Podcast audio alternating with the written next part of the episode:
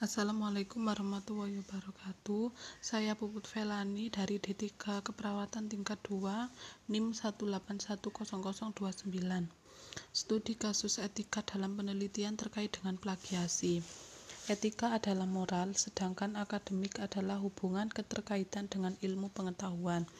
Kemudian, plagiasi adalah tindakan mengakui sengaja atau tidak sengaja suatu hasil karya, padahal bukan karya sendiri, merupakan karya orang lain. Pelaku plagiat dinamakan plagiator.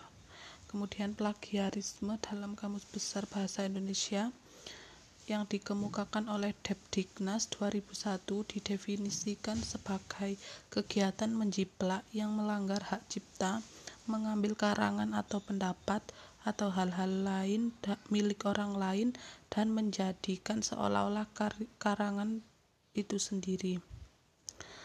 Tipe plagiarisme yang pertama plagiarisme kata demi kata Kemudian kedua plagiarisme atas sumber, yaitu penulis menggunakan gagasan orang lain tanpa memberikan pengakuan yang cukup, tanpa menyebutkan sumbernya.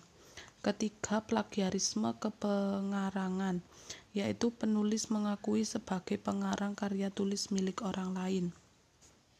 Kemudian bentuk-bentuk tindakan plagiarisme ada beberapa macam menurut Julisar yang pertama, penggunaan ide atau gagasan orang lain dalam suatu karya tulis tanpa mengemukakan identitas sumbernya. Kedua, penggunaan kata-kata atau kalimat orang lain dalam suatu karya tulis tanpa memberi tanda kutip dan atau mengemukakan identitas sumbernya.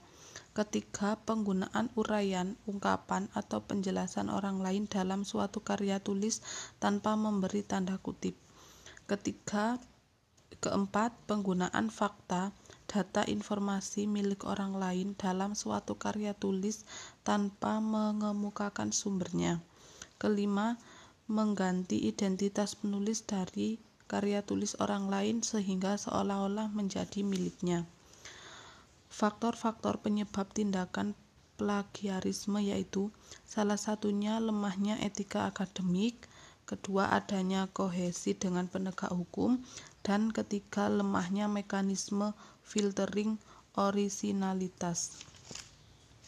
Untuk sanksi mahasiswa yang terbukti melakukan pelanggaran pasal 10 ayat 4 yaitu teguran, peringatan tertulis, penundaan pemberian sebagai hak mahasiswa, pemberhentian tidak dengan hormat dari status sebagai mahasiswa, dan yang terakhir pembatalan ijazah.